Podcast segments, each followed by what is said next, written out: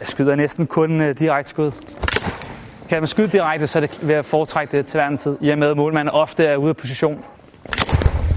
Jeg scorer omkring 80% af mine mål på, øh, på direkte skud. Når jeg skyder direkte skud, så er det på, på den øverste del her, men alligevel ikke helt ude i snuden.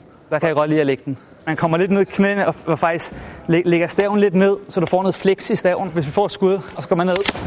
Du bruger egentlig afsættet på, på flexen på staven til at få det sidste svirp.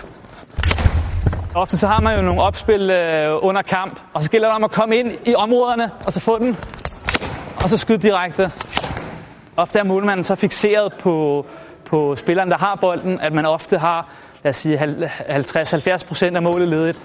Så det handler om mere om at ramme det tomme område, end at trykke af med 100%.